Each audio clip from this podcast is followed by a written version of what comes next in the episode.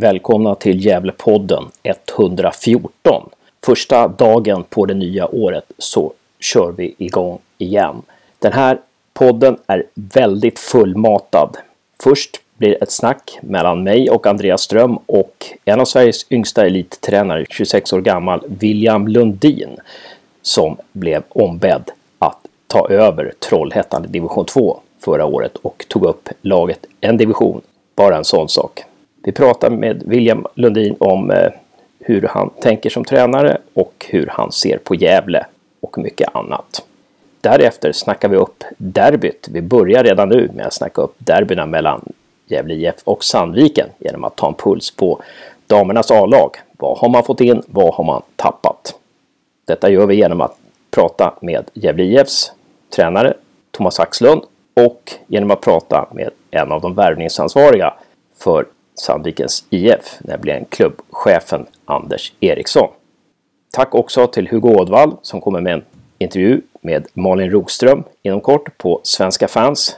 Väldigt intressant. Tack också till Gävle IF som inte har legat på latsidan. Vad jag förstår så håller Mackan Bengtsson på för fullt att leta nyförvärv på nyårsaftonen. Blev det klart från Mjällbypodden så fick vi höra att Gävle IF har värvat mittbacken Axel Norén från Mjällby. Född 99 med landslagsmeriter.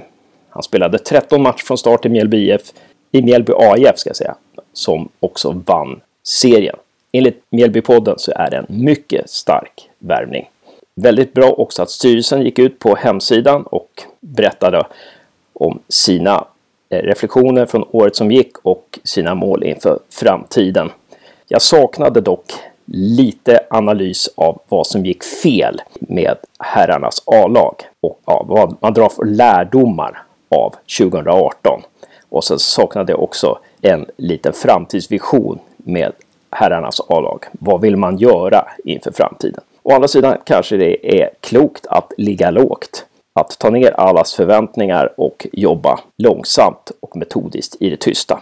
Vi får se. Hur som helst så är det alltid intressant med fotboll och Gävle IF. Det ska bli otroligt intressant att följa den här säsongen och se hur laget tar form. Hoppas vi alla får ett härligt 2019. Jag heter Hasse Carstensen. Tjingeling!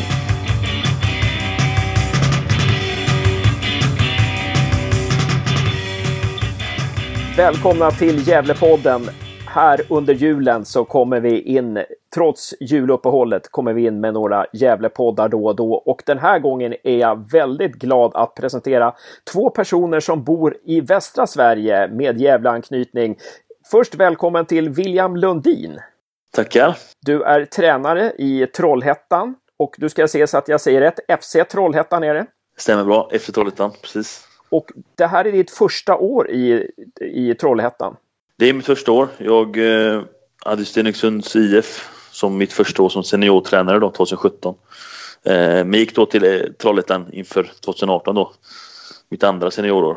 Men första i Trollhättan då. Och vi ska prata med dig om eh, Trollhättan och Gävle IF och så får vi se om vi hamnar, hamnar på lite sidospår. Och sen har vi med oss en vana snart i Gävlepodden. Varmt välkommen till Middag med Löv och Ströms Andreas Ström. Tack så mycket! Idag igen. Idag igen. Eh, och hur är läget med dig? Jo, det är skapligt. Ryggen börjar bli bättre, men eh, jag har en bit kvar tror jag. Det låter, väl, det låter väldigt bra. Ja, men om vi ska börja någonstans så tänkte jag börja den här änden att jag kommer ihåg, jag vet inte om du kommer ihåg det här William, men jag kommer ihåg ett reportage som Gävle Dagblad gjorde med dig, Johan Svantesson och Marcus Hansson när du precis hade kommit till Gävle IF. Eh, kommer du ihåg det? Ja, det ringer nog en klocka där att det var ett reportage eh... Jag har för mig att jag var med i ett reportage med Johan Svantesson och Erik Larsson. Ja, det kanske var Erik Larsson då. Man pratade ganska mycket om Twitter då, att ni, ni var aktiva på Twitter, minns du? Precis, jo, det, det, var nog Erik Larsson om jag minns rätt. Eh, det var nog vi tre faktiskt, men det kommer jag ihåg. Svagt minne av det. Är du fortfarande aktiv på Twitter? Nej, jag är faktiskt inte det. Eh, det enda aktiva jag är väl att följa vissa konton och hålla mig uppdaterad inom framförallt fotbollens värld då. Men jag skriver väldigt sällan där faktiskt. Utan använder det mer som informationsflöde för min egen del. Och hänga med i, i vissa saker och ting. Just det. Och när det gäller Erik Larsson och Johan Svantesson, har, ni någon, har du någon kontakt med de två? Väldigt lite med Johan faktiskt. Eh, vi var ju väldigt tajta i Gävle. Tyvärr så har vi inte hållit kvar den eh, kontakten till 100% så som det var då. Vilket tycker jag är ganska synd. Eh, men så kan det bli.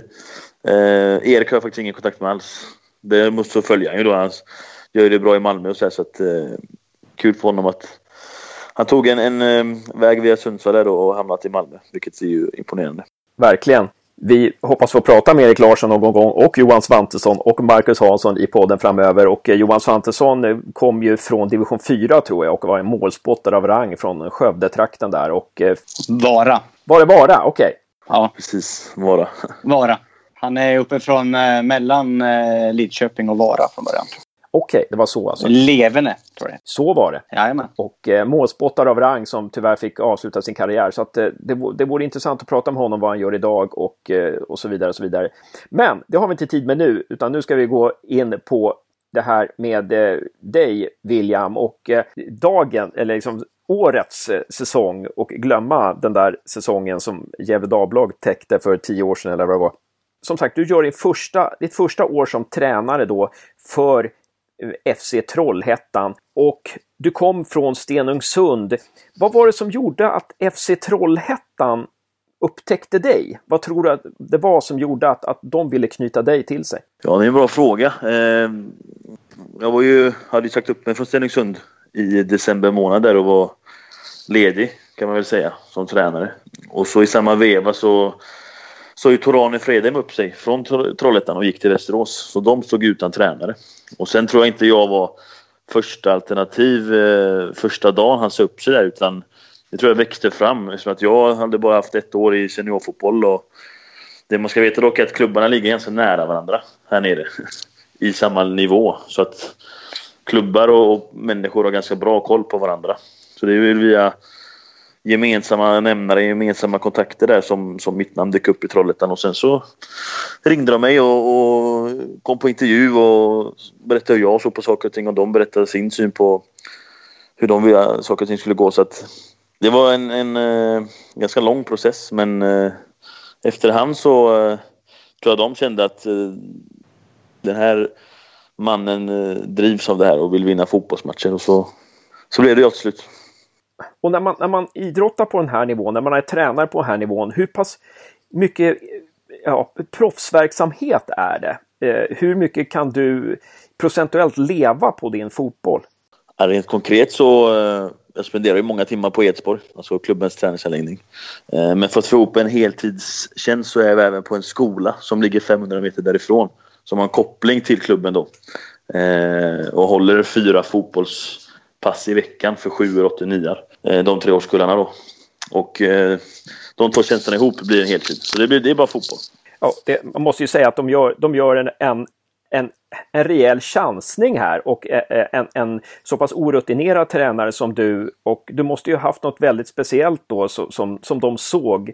Och du, du har ju verkligen motsvarat förväntningarna här när, när du har tagit upp FC Trollhättan eh, till ja, en högre division då vad, ja, om man säger dina förväntningar innan säsongen och hur säsongen blev. Vad, vad skulle du säga där? Vad, vad är skillnaden? Ja, det, det, som man måste lägga till i den eh, historien är att de hade ju ett 2017 där de i princip möll, föll på målsnöret genom att eh, förlora ett ganska enkelt kval. Det var en tredagsgrupp och ettan och tvåan i den gruppen skulle gå upp till division 1. Men så hamnade man sist i den. Och det var ju det var ju ridå i klubben i princip. Att de hade misslyckats med att få upp laget i division 1. Och sen så lämnade tränaren och flera spelare lämnade. Eh, så de stod ju lite inför ett, eh, ett väldigt viktigt 2018 och det var de ju väldigt tydliga med att påpeka också att vi vill upp. Sen eh, tar det ett år då är det bra men det ska vara inom två år. Och så fick jag ett tvåårskontrakt på det då, att det var ett tydligt mål att vi ska upp till division 1. Sen mina förväntningar var ju att givetvis. Vi har ett bra lag med bra spelare, men det är inte lätt att vinna ligan. När det är andra som, som vill, vill göra det också givetvis. Så att mina förväntningar var väl att det här blir otroligt tufft, men jag såg att vi hade bra spelare. Så att eh, jag var väl inte superöverraskad att vi gick så bra på våren. Däremot så trodde jag inte det skulle gå så fort. Att vi skulle börja vinna direkt i princip. Som vi gjorde på våren där med många matcher utan förlust. Um, när, när vi träffades i, jag kommer inte ihåg, var det april vi satte oss ner med middagen och, och snackade med William. Då, då hade ni precis spelat oavgjort i, i derbyt mot eh, Skoftebyn och sen hade ni åkt upp till, till Nordvärmland och, eh, och eh, vunnit med 3-0 där uppe. Så du var ju på ganska bra humör. Ja, det stämmer. Och där, efter den eh, Nordvärmland-matchen där, då hade vi en streak där på 7-8 matcher där vi vann allihopa. Eh, mm. Jag tror det tog 20 matcher i ligan innan vi förlorade första matchen. Eh, Men, så vi hade en otroligt bra för, eller vårsäsong. För ni, ni förlorar, hur många matcher förlorar ni? En? Två? Två. Två. två. Och det är ganska sjukt att ni blir tvåa i serien när ni förlorar bara två matcher på hela, hela året egentligen. Men eh, Karlstad höll också bra nivå. Ja, de var, de var liksom... Det var 12 matcher på hösten som vi spelade och de vann, vann alla 12. Så det är svårt att komma ikapp dem. Vi hade ju serieledningen fram till 20-21 matcher där. Så hade vi en liten, liten dipp. Och med dipp menar jag med en förlust och ett kryss. Och sen vann vi.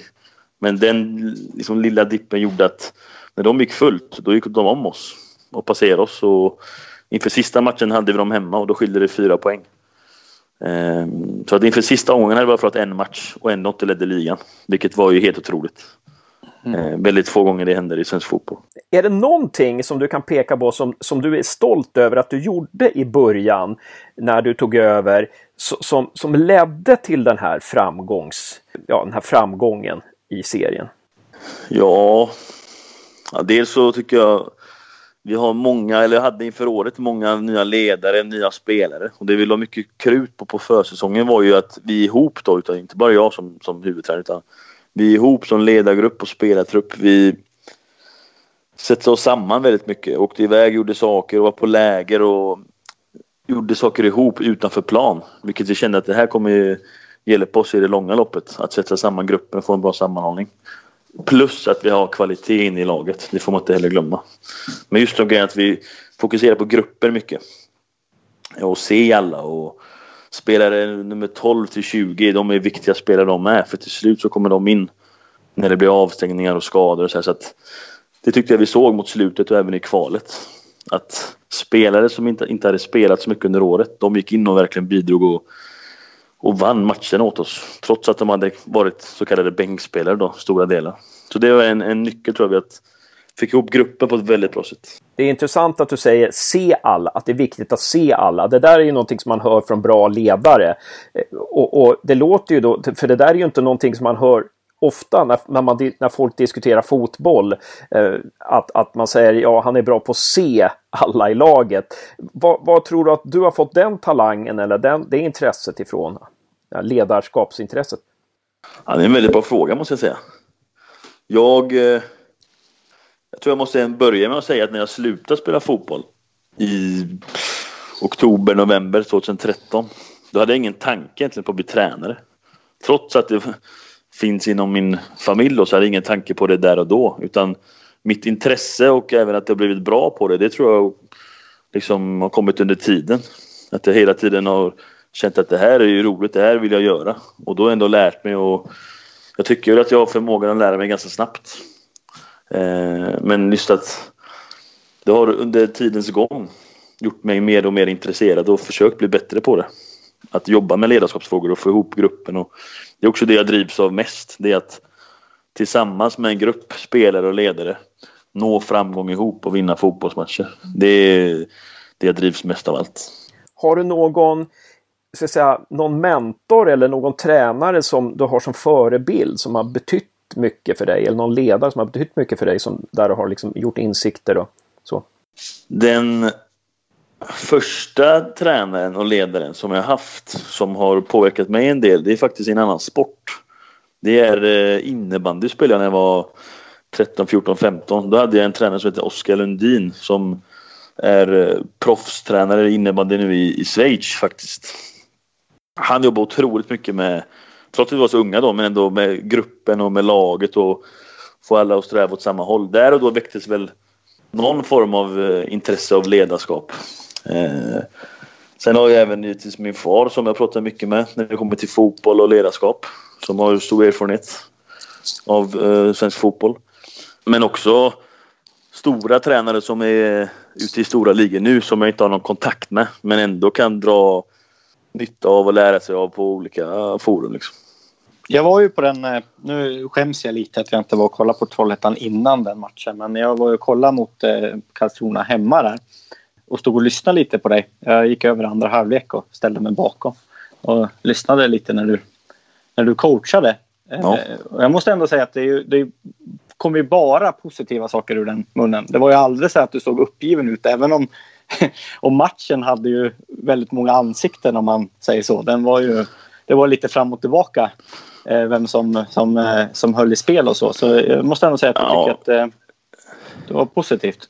Ja, ja, ja det, det, det kan jag beredd hålla med om. Sen att jag tycker bara det var ett ansikte. För att första 30 var vi totalt utspelade. Ja, precis. det var lika bra att säga sanningen. Eh, då var vi inte alls med. De var bra. Eh, men just för att komma till det just med positiviteten är ju att vi känner, alla kände att det här blir svårt. Första 30 var, det kunde stått 0-2. Kanske till och med 0-3 om vi varit riktigt illa ute. Eh, men då kände vi liksom i paus att vi fick ändå med oss 1-0 och ett långskott i krysset. Och mm. jobba och bygga på den positiviteten. Att vi ändå lyckas trots att vi är under press. Hitta vägar fram och göra mål. Och, mm. och trycka in det i spelen att vi, vi klarar av det här alltså. Trots att de är bra så, så ska vi hitta ett sätt att vinna den här matchen ändå. Mm. Nej, jag, jag bara tänkte på, på... Jag var ju och pratade med... Eller vi, jag och Martin var och pratade med, med Voxlin här i, i nummer fyra. Och eh, han, en sak som inte var med där som jag kommer att tänka på som han ångrar att det inte kom med i podden. Det var att han berättade när han var där nere i Lucarno så, så bytte de tränare och fick en italiensk tränare där nere som, som bara pratade italienska och ingen engelska. Eh, mm. Och eh, Voxlin hade ju liksom, eh, han gjorde, han sa det var en bra match. Han tyckte ändå att ja, man hade gjort några viktiga brytningar, slagit några bra passningar och sådär. Och, och, han var ganska nöjd med första halvlek fast de låg under. Och så kommer de och sitter de i omklädningsrummet där och då hör han bara, han börjar vråla på italienska, den här tränaren. Och så hör han i det där så hör han Voxlin hör han. och han sa det, jag har aldrig, han sa det, jag har aldrig fått något, alltså jag blir inte bättre av att någon står och vrålar åt mig i ilska liksom. det, det sänker bara en som, som spelare liksom. Ja. Eh, så jag, jag, tänkte bara att eh, den, den ledarstilen verkar inte vara jättebra. Nej, men jag tror också att eh, vissa personer går igång på vissa olika saker. Jag tror ja. inte på det här att man ska liksom, hantera alla på exakt samma sätt. Jo, viss, inom vissa områden kan man göra det. Men sen gäller det mycket att jobba med, för mig i alla fall, men management och, och se varje individ. Okej, okay, den här personen har den här bakgrunden exempelvis och måste bli hanterad på det här sättet. Alla har en form av grundrespekt mellan spelare och ledare men som sagt vissa kanske behöver höra det en gång mer än någon annan i truppen. Och det är en utmaning och det tror jag man aldrig kan bli fullärd på. Utan det är hela tiden en process och därför tror jag det är så intressant yrket också att du kan hålla på från, som mig då, till, från 21 år till eh, ja, i princip döden tänkte jag säga, men, men eh, långt fram i livet i alla fall. Men du blir aldrig klar. Och det, det, det är en ständig process vilket intresserar mig mycket. Jättespännande. Det är som att göra en podd. Man, man blir aldrig fullärd. Exakt. ja. Nej, men, men, så Tor-Arne Fredheim tränade ju eh, Trollhättan året innan. Och, då så, och det var väl så att han tog över Västerås i och med att Johan Mjällby gick till Gävle. Så att Gävle har ett finger med i spelet att du tränar Trollhättan just nu, visst är det så? Ja, det finns ju en liten eh, rokad där när Poja går till Blåvitt. Och Mjällby går till Gävle blir det. Och Torane går till Västerås. Och jag går till Trollhättan. Så det blir en kedjereaktion där, som det alltid blir. Så det är egentligen tack vare Mats Gren som du är huvudtränare i Trollhättan? Ja, det kan man säga. Jag får tacka Mats där. Bra gjort av honom. Han, han, kan behöva det. Eh, han kan behöva lite tack nu. Men om vi ska jämföra dig med Tor-Arne Fredheim. Vad, vad, alltså det du har hört och sådär. På vilket sätt tror du att du skil, skilde dig från hans sätt att spela fotboll och leda och så? Jag har jobbat ihop med Tor-Arne i Ljungskile. När han var huvudtränare där så var jag akademitränare. deras U19-lag eh, och jobbade ihop med honom ett år och lärde mig väldigt mycket av honom. När det kommer till taktik och liksom Eh, planera träningar utifrån ett taktiskt perspektiv och hela den biten, noggrannhet i detaljer och så. Det lärde jag mig extremt mycket av honom. Eh, och tagit med mig in i mitt tränarskap då. Sen vet ju inte jag exakt hur det var året innan. Så att jag hade Stenungsund och var i den bubblan. Eh, men det är klart att det finns olikheter hos alla tränare. Sen tror jag om man ska hitta någon skillnad och så, det kan ju vara att jag kanske la mer krut på gruppen och få ihop den mer sammansvetsad. Och då egentligen är man gissning för jag var inte med året innan men det tror jag en skillnad kan ha varit att jag la mer krut där. Då, då kommer vi, uh, det är jättespännande. Jag har en fråga innan vi kommer in på det här med scouting och sådär. Men uh, tror du att fler klubbar borde vara så här modiga att ta in en oprö obeprövad tränare som, uh, ja, borde man vara lika orädda som Trollhättan var? Alltså jag tycker det har att göra med de som tar besluten i klubb, klubbarna. Känner de att den här personen oavsett eh, ålder egentligen är tillräckligt bra. Då tycker jag att de ska köra. Jag tror det här med... Det är klart erfarenhet är en viktig del i, i tränarskap. Men jag tror ändå att eh, det kommer fram fler och fler yngre tränare runt 30-årsåldern som har varit tränare också. Det tror jag är en skillnad att ta mig som exempel med eh, efter Trollhättan där, när de tog mig in där, då hade jag varit tränare i fyra fem år redan. Trots att jag bara var 25 år. Till skillnad från en 38-årig spelare som kanske har, eller tränare som har precis slutat sin elitfotbollskarriär. Går rakt in i, i um, tränarskap och har noll erfarenhet. Men kanske får jobb på grund av namn bara. Trots ingen erfarenhet av tränarskap. Och det kan vara lite lurigt tror jag. Att man, man eh, tittar inte på vad har den här personen gjort innan. Utan bara tittar på ålder eller på spelarmeriter. Och det, det tror jag kan vara ett problem. Jag tänkte säga det, nu, nu får ju Rydström vara med igen här i den här podden. Men jag menar, nu, nu har han varit eh, huvudtränare i Kalmar och eh, gick till Sirius nu. Och han har väl egentligen mindre erfarenhet än vad, vad du har. Som tränare. Ja, men han, ja, det, det vet jag faktiskt inte. Kanske han, samma eh, ungefär. Han har jobbat med akademin längre. Ja. eh, i klubben ute och gjort ett jävla bra jobb. Så att eh, han har erfarenhet av att vara både huvudtränare och assisterande i U17 och även U19 i Kalmar FF där. Så att han tror jag har det- stor, flera års erfarenhet av att vara tränare. Mm. Men du har ju också varit, jag menar i, i Örgryte och Ljungskile och, och, och sådär innan. Ja. Att, eh, ja, jag menar, du är ju ung men det är ju väldigt få eh, 28-åringar som har så mycket tränarerfarenhet som du har. Ja, Om man nu, är vänder jag på det. bara, nu är jag bara 26 och jag har ju två år Ja, kvar. till precis. Så att, eh, Det är jag som inte kan räkna. Jag är 92 och så bara nej. Ja, Ja, så exakt. att, eh, Och alla 28-åringar som lyssnar på det här, vi, det var, vi var inte ute efter att sätta dit er utan det, det var bara en felsägning här. precis. Eh, Men, men Andreas, vart vill du nu i intervjun? Har du något så här på gång som du vill? Nej, men jag tänkte bara att, att Gävle IF kommer ju att möta Karlstad Eh, BK nästa säsong. Och, och vad, eh, William har ju mött dem två gånger i år. Eh, och nu har de ju fått tillbaka Sarkovic och verkar göra en satsning. Men vad har du att säga om, om, om Gävles motståndare Karlstad BK? ja, alltså den satsningen som vi är inne på där, den har ju egentligen gjorts började flera år sedan egentligen. Där de har haft ekonomiska muskler som inte någon i, i division 2 ens varit i närheten att kunna mäta sig av. Och det har gällt i år med, i år med för oss. Att de hade sådana mycket pengar så att när vi skulle gå, vilja ta spelare i regionen så kände vi att det här kan gå vägen. Men så kom KBK in i bilden då och så sa det pang och så var det en påskrift. Så att de har otroliga resurser där uppe i Karlstad och det är det nog ett lag att räkna med i toppskiktet tror jag. Eh, med tanke på deras satsning som de gör då för att gå upp i Superettan. Men så som det är på den nivån. Det kommer nya spelare och de hade en ny tränare inför år. Han lämnar, ny tränare in. Så att det är väldigt svårt att veta vad man får av lagen. När det är så stora omsättningar. Jag läste en artikel om att i allsvenskan så är det en omsättning på 50% inför varje år i snitt av spelare i trupperna. Och då är det i allsvenskan. Och då kan man tänka sig hur det är i division 1 och division 2. Vilket börjar vara nästan ännu mer. Så att återigen, det, eh, ekonomi och eh, Eh, eh, lyckosamma resultat i fotboll är ganska ja, de är ganska intimt förknippade. Det går inte att bortse från det liksom. Nej, det, tyvärr gör ju inte det. Tittar du på de flesta ligorna så är det korrelation på pengar och vart man hamnar i, i ligan. Så enkelt är det ju. Sen så är det de här små detaljerna som avgör. De som, har, de som kan konkurrera på samma nivå när det gäller pengar. Där kommer du in givetvis. De som är mest skickliga vinner. Men det är bara att titta på, på alla lags budget. Vart hamnar de i ligorna? Det är i princip nästan samma visa varje år. Ja, precis. precis.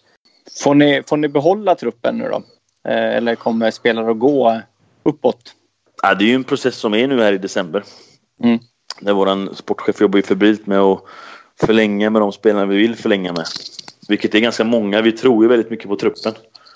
Vill vara mån om att ha kvar de flesta spelarna som vi tror på. Och signa dem på ytterligare ett eller till och med två år. Vilket vi har lyckats med några nu då. Men det är klart, när man går upp en serie då betyder det att spelare har varit bra.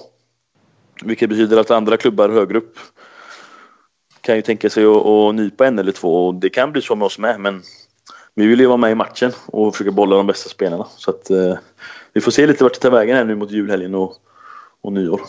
Men jag tänkte lite på, på scouting till exempel. Eh, du kom väl in eh, ganska sent förra året ändå. Hur, hur många spelare var liksom klar och hur många var du med och, och scoutade? Och, och så. Nu, nu är det ju som sagt var geografiskt väldigt, väldigt bra runt eh, Trollhättan, Uddevalla, Grästorp eh, och, och scouta spelare. Men en sån som Pelle Ödlund som var, var helt eh, avgörande för, för er i, i, ehm, i eh, att ni gick upp nu.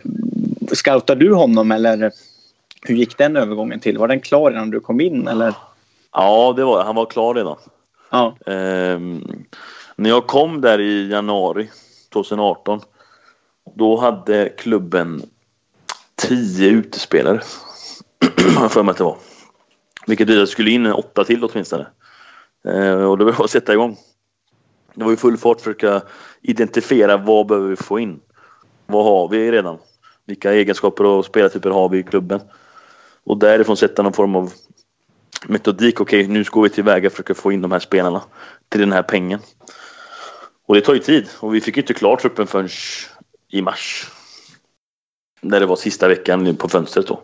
Vilket är ganska vanligt men eh, som sagt det tog ganska många veckor innan allt blev klart. Och förhoppningen i år är att det ska gå lite fortare när, när du scoutar spelare, hur, hur gör du då? Vad, vad, vad är det viktigast? Är det ditt, ditt eget kontaktnät? Är det de spelare du har sett själv?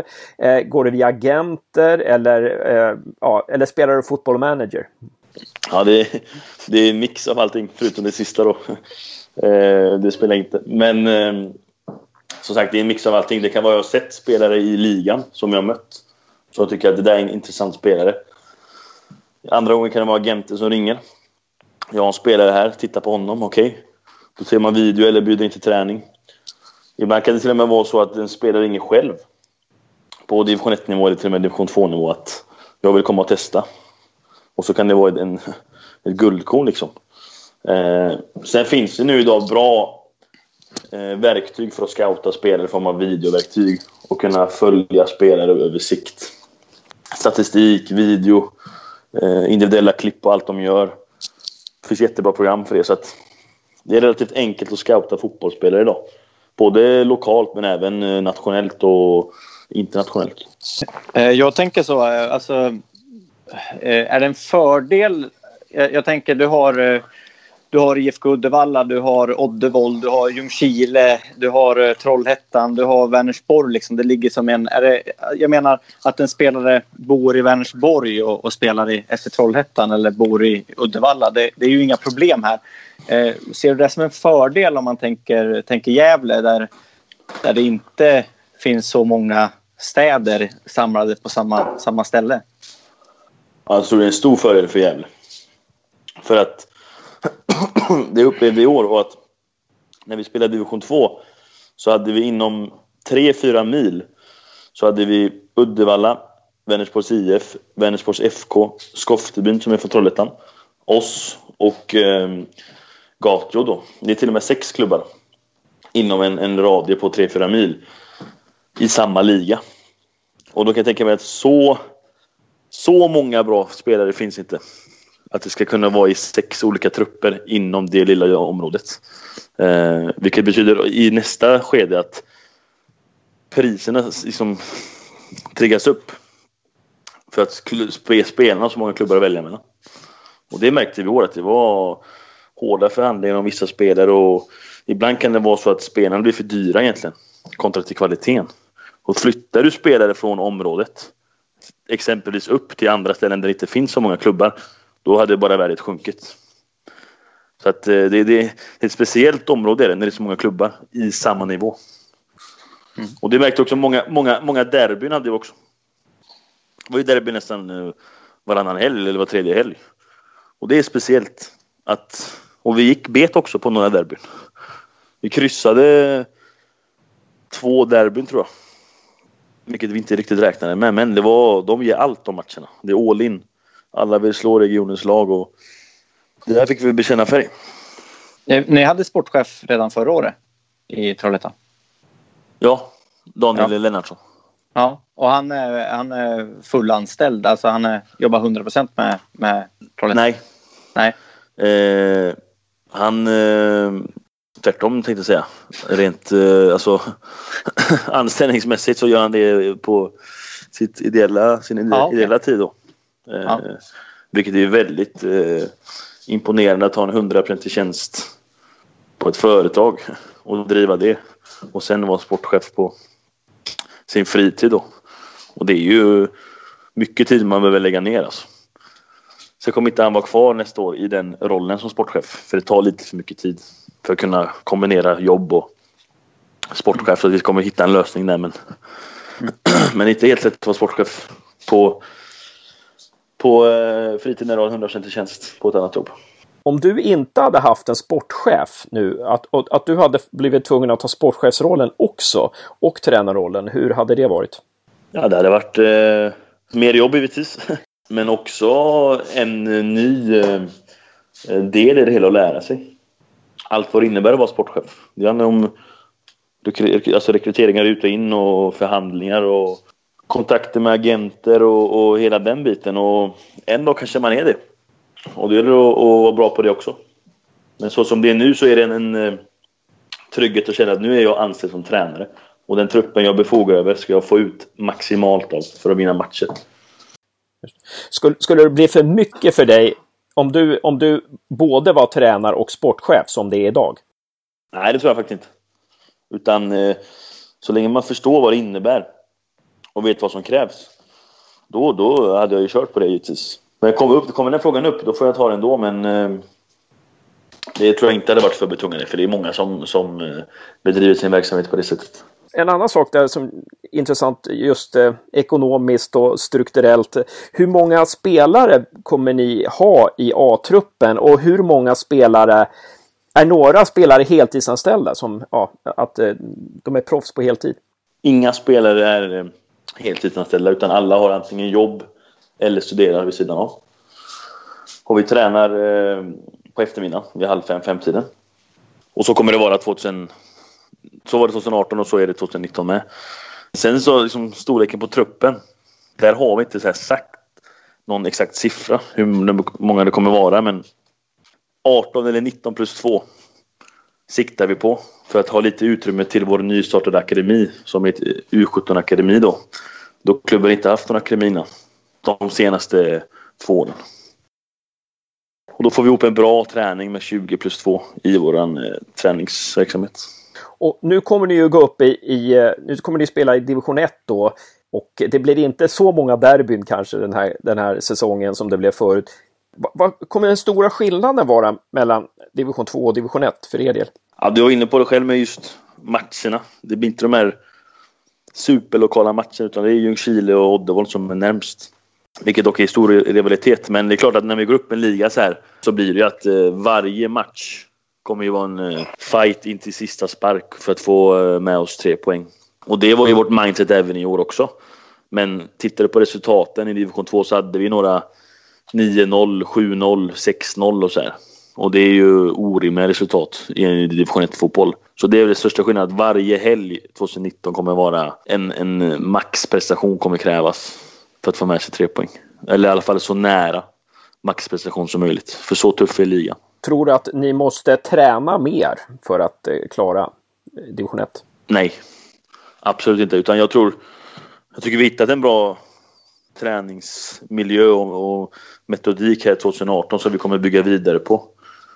Och det har varit eh, fem tillfällen i veckan kan man säga, framförallt på försäsongen då. Där vi jobbar mycket med att det ska vara kvalitet på grejerna. Och inte träna för mycket heller, så att det blir bara kvantitet. Utan vi vill, när vi kör, då ska det vara kvalitet och fart. Att spelarna behöver återhämta sig eh, mellan passen. Så att eh, vi kommer inte göra den här, som det kanske är klassiskt då, att nu går vi upp en liga och, och nu ska vi lägga in pass varje dag och ingen vila alls. Utan vi kommer ha ungefär samma typ av metodik. Hur, hur spelade ni? Hur var ert spelsätt under, i, under division 2-sessionen här 2018 och kommer ni, vad kommer ni förändra i det här spelsättet eh, till 2019? Vi spelade 26 matcher i ligan och fyra matcher i kvalet. Alla 30 så spelade vi 3-5-2 från start. Det hade en del att göra med att vi fick in en mittback som heter Tommy Vejlovic ganska sent på försäsongen. Men jag känner att nu i truppen, när man tittar på den, att den kvaliteten och, och positionerna på spelarna som vi vill ha med på banan från, från början då. De känns eh, perfekta för ett 3-5-2 när man tittar på typerna. Så vi började jobba in det i februari-mars. Där vi satte eh, återigen träningsmetodiken där att så många minuter som möjligt på träningen så ska de få jobba på sin roll.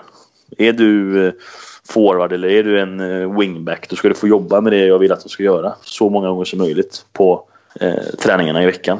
Så att man känner igen sig när matchen kommer på lördagen att det här har jag gjort hela veckan nu, det här kan jag. Oavsett vad som sker så känner jag mig trygg i min roll och så spelar det ingen roll vem som spelar där. Alla kan sin roll och när du väl får med dig resultat då, då, då kommer man in i någon form av liksom, medvind där och allting flyter på. Eh, och det hittar vi som sagt tidigt i serien och börjar vinna matcher. Vad säger du om eh, när det gäller försvarsspel då? Positionsförsvar kontra markering? Har du några åsikter där? Ja, absolut. Och där, jag är ju förespråkare för positionsförsvar. Där vi försvarar eh, utifrån var bollen är någonstans. Och jobbar i en tydlig metodik kring att nu är bollen där, nu gör vi så här. Eh, och alla förstår sin roll. Och det jobbar vi också med mycket i veckorna. Hur ska vi försvara oss? Vi har släppt in minst mål i ligan. Och det tror inte är någon slump heller, utan vi har jobbat mycket med det. Och sen, det är klart att spelarna kanske inte eh, växte upp och, och drömde om att få jobba med positionsförsvar när de var 10 bast liksom. Det var inte det de drömde om, men så, så fort spelarna känner att fan, vi vinner ju matcher och håller nollan. Det är rätt roligt. Då köper de till slut att det blir mycket repetition i veckorna hur vi ska försvara oss. Sen när vi spelar trebackslinje då blir det, oavsett om man vill eller inte, så blir det lite inslag av markering. Att man följer med vissa spelare i backlinjen så är det överflyttningen. Men grunden är alltid positionförsvar. Vi utgår från där bollen är och så försvarar vi därifrån. På fasta situationer då? Frisparkar emot och, och hörnor emot. Hur, hur ser det ut där? Positionsförsvar. Därmed. Någon gång ibland. Vissa matcher har vi haft markering. När vi känner att de har en sån otroligt högprofilerad spelare på fast situationen att den som markerar honom kanske inte vinner den duellen, men han ska i alla fall störa honom. Men annars så är vi ganska trygga och litar på att vi försvarar, försvarar din zon. Ta bort bollen när den kommer in i de farliga ytorna. För det kan jag tycka med just man-man att det finns en risk att man blir lockad iväg från en farlig yta. Vi vill ha, eller jag vill ha spelare på plats där målen görs för att kunna ta bort bollen. Men man kan väl också prata om olika slags positionsförsvar. Alltså ett aggressivt... Eh, jag menar, om du inte är aggressiv i din zon så kan det bli ganska passivt också. Eller? Ja, absolut. Och det är, vi jobbar med olika principer i vårt försvarsspel och anfallsspel där vi vill vara just aggressiva eh, för att kunna vinna bollen. Men sen så gäller det att ha mixen att är du för het och för aggressiv och det inte blir någon synk i ditt pressspel då är motståndarna så pass skickliga att de spelar oss, bort oss i vårt pressspel. Och det, för att svara på en tidigare fråga, just skillnaden mellan division 2 och division 1. Det är just att i år så har vi kanske ibland haft ett försvarsspel där det inte har fungerat hundra. Men motståndarna har inte varit tillräckligt bra för att straffa oss. Det kommer bli annorlunda i division 1. Att vi måste ha ordning på grejerna i vårt försvarsspel varenda minut av matcherna. För att kunna hålla nollan. Men vi vill givetvis vara aggressiva, men framförallt eh, organiserade. Intressant.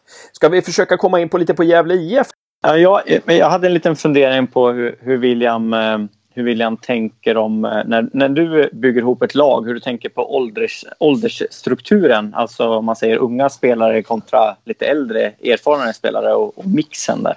Ja, precis. Och jag gillar att du säger just erfarenhet på de, på de spelarna som har varit med ett tag och inte man kallar dem för gamla utan eh, det är yngre och så är det mer erfarna. Och jag tycker det är viktigt att ha mixen som du är inne på också. Det ska finnas en, en, eh, liksom en, en eh, hunger i de unga, unga spelarna som vill utvecklas och spela mycket matcher och vill komma upp i seriesystemet. Men också mixen av de här som är uppemot 30 och kanske till och med passerat 30.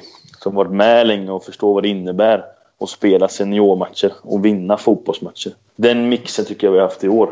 När man tittar på våran trupp då. Ett par som är runt 30-årsåldern.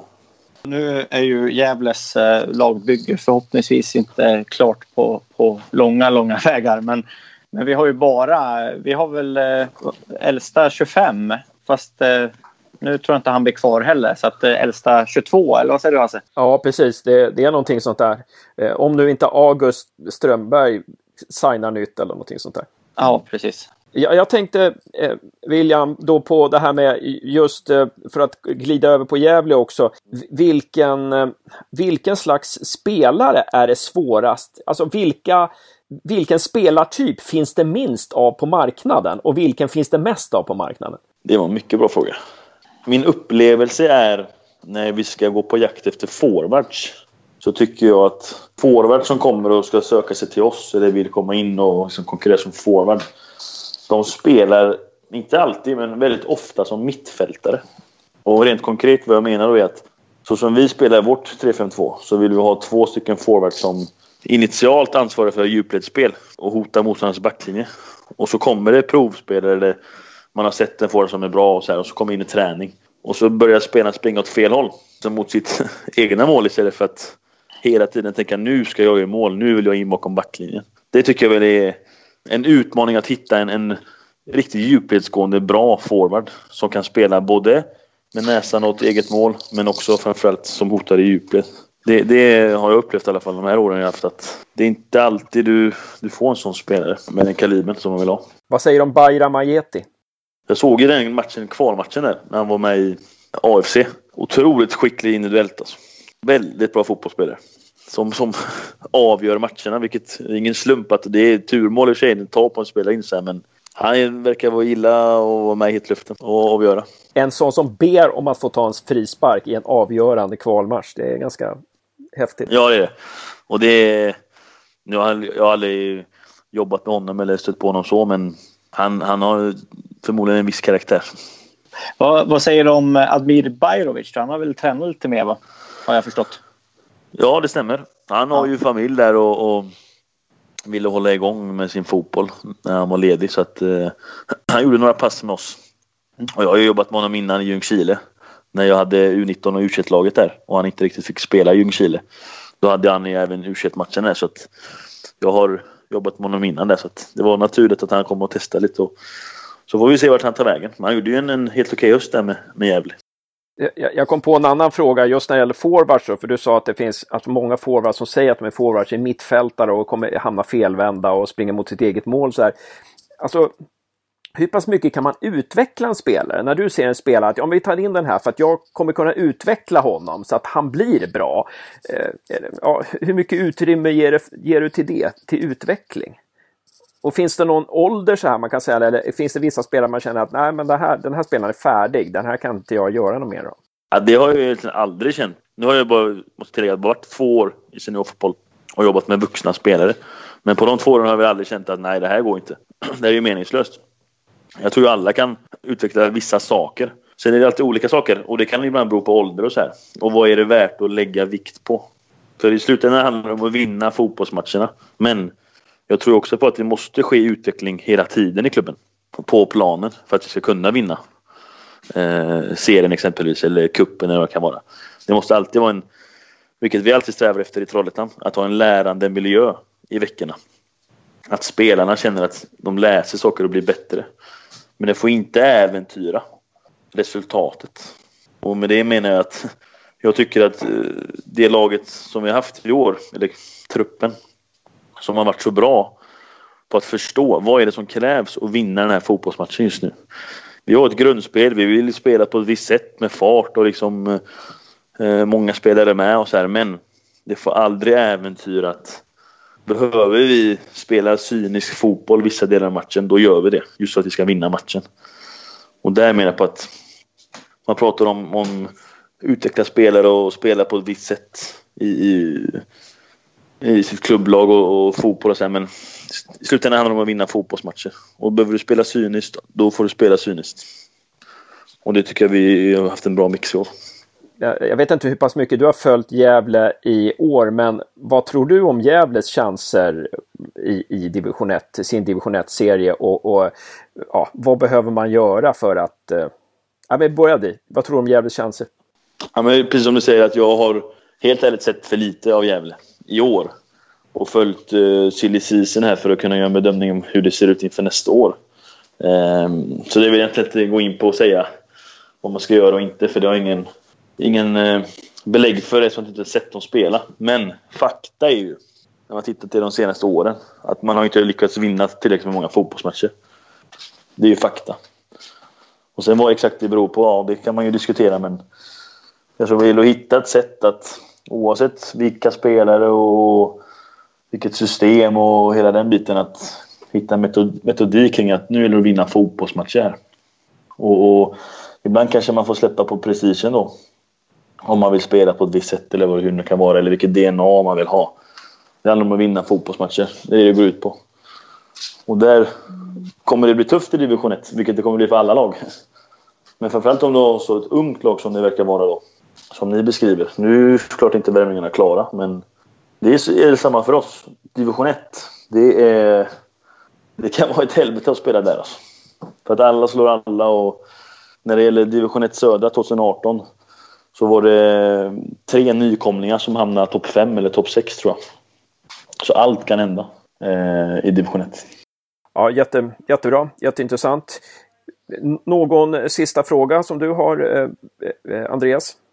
Nej, men jag, jag tänker, Gävle har ju varit ganska oklar med, med det mesta höll jag på att säga, men man har ju sagt att man ska satsa mer på, på akademin och, och att man, man har en ambition och, och, och få upp fler unga spelare från, från närområdet i, i klubben. Och, och eh, det måste man ändå se som, som, som positivt. Ja, det, det, det låter ju väldigt bra. Om man kan få till en eh, miljö och ett arbetssätt som gör att spelare från sin egen akademi kommer upp och blir dominerade i sitt A-lag. Det låter ju, vilket många klubbar försöker med, det ultimata. Och sen kunna tjäna pengar på det på, på sikt. Då. Mm. Eh, så får man till det då är det en väldigt ljus framtid för Gävle IF. Hur många procents chans är det att du kommer upp till Gävle någon gång under 2019 och ser en match live? Det är en bra fråga. Det kanske blir om Ja, är det för jobbsyfte då är det antingen om man ska scouta en spelare eller ett lag som vi kanske får möta i något kval. Om det skulle bli så. Om, om det blir att man möter varandra i kval på det sättet. Det kanske inte Nej, jag tror inte det. Nej, Nej. Jag tänker efter nu. Det går ju faktiskt inte. Så det kan inte bli det. Eh, utan då är det om jag scoutar spelare. Eller om jag är där på eh, egen tid då, av att träffa släkt och vänner. Då kanske jag går på en fotbollsmatch. På Gabelevall. Stort tack William Lundin och Andreas Ström för att ni var med på det här snacket. Och vi kanske kan höra William också någonting som eh, du skulle vilja ha om du fick önska dig en fotbollsrelaterad sak i julklapp. Vad skulle det vara för någonting?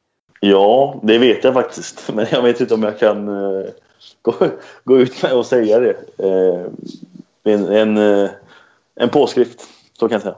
Okej, okay, okej. Okay. Ja, men bra. Härligt. Nästa gång när vi pratar med dig i podden så kan vi kolla om, om det gick in. Det kan jag lova att jag kan avslöja.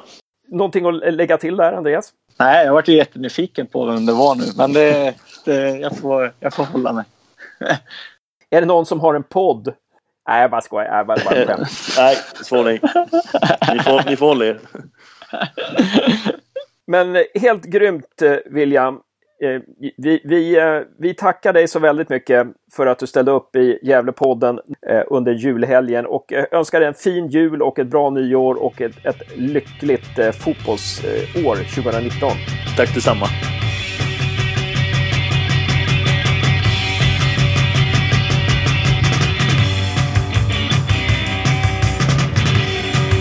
En liten jävla analys här under julen. Vi har fått reda på att Piotr Johansson är klar för Kalmar, men ni som följer Gävlepodden på Twitter, för er var det en gammal nyhet. Men vi har också fått reda på att Erik Törnros lämnar Gävle IF och den nyheten tyckte jag var lite mer sensationell. Jag tyckte faktiskt den var lite tråkig. Jag vet inte hur din reaktion är, Andreas?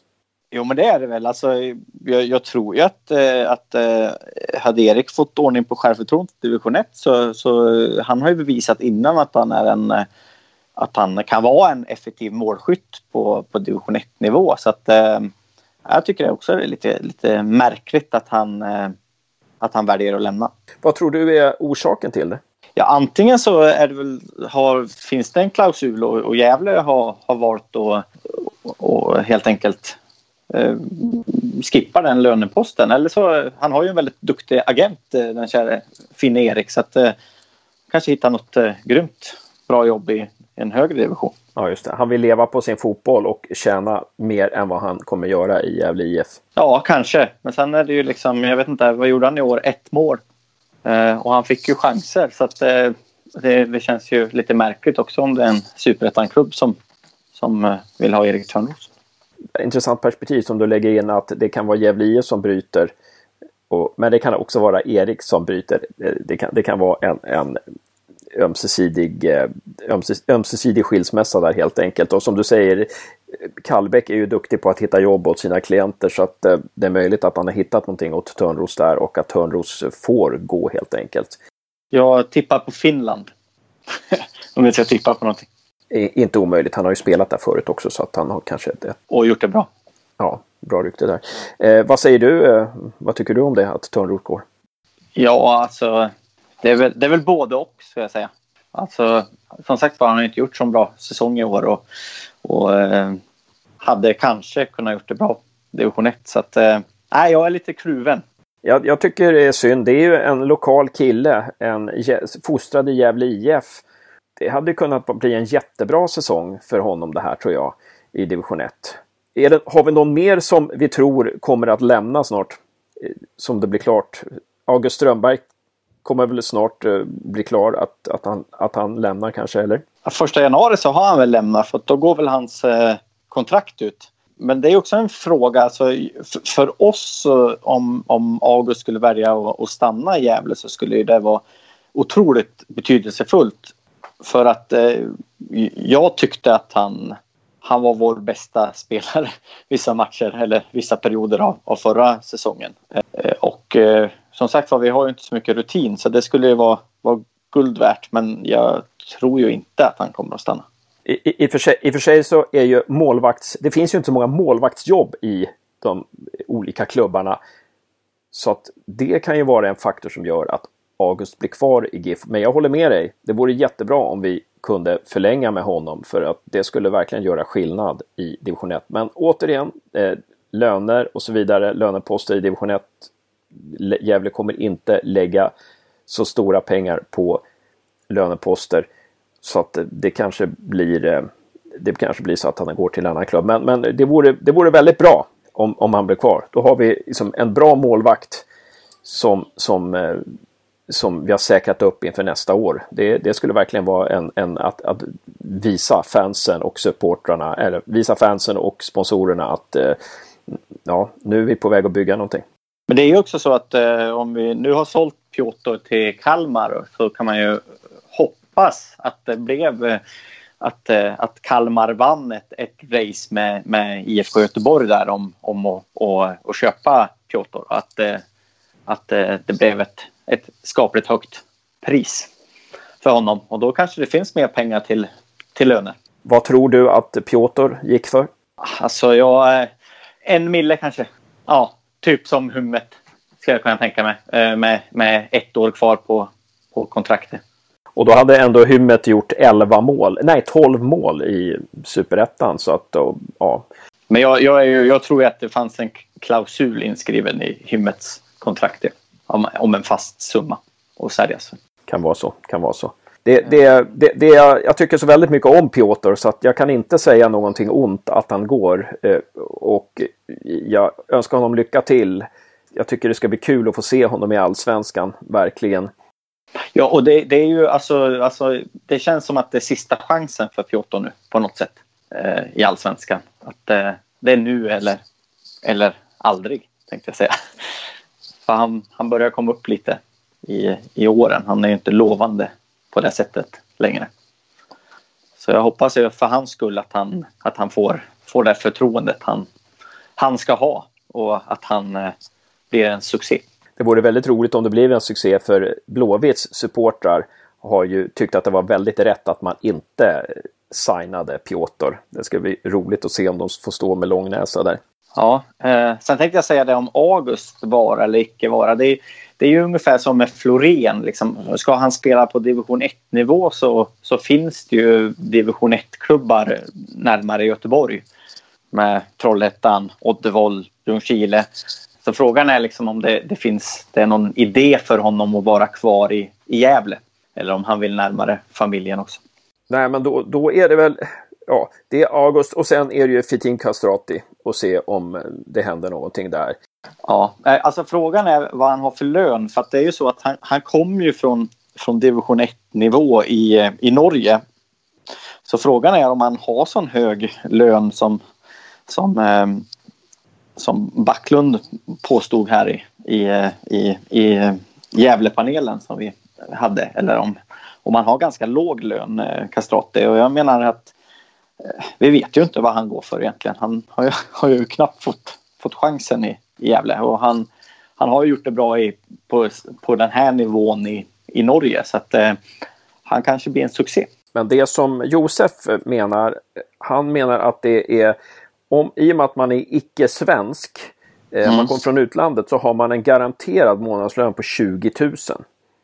Eh, har Josef eh, kollat. Det får stå för honom, men eh, han är säker på det, så han menar att Fitin Castrati har en, har en minimilön på 20 000 och att den kan bli svår att förhandla ner. Så att om det stämmer så kommer vi nog före nyår också och få höra att Castrati lämnar Gävle IF. Ja, den som lever får se. Den, får, den som lever får se. Har vi något mer Andreas att avhandla eller ska vi ta och ge oss där? Nej, men det har ju, det har ju hänt mer än vad det har gjort på flera månader. Så vi får ju vara, vi får ju vara nöjda med intervju med, med Mackan också på, på hemsidan. Verkligen, verkligen. Det var jättebra. Jättebra. Eh, det, det ska vi verkligen vara nöjda med. Nej, men nu, eh, nu återgår vi till julen helt enkelt, eh, Andreas. Ha det så bra, ta en glögg och så hörs vi framöver. Ja, men det gör vi. Ha det bra.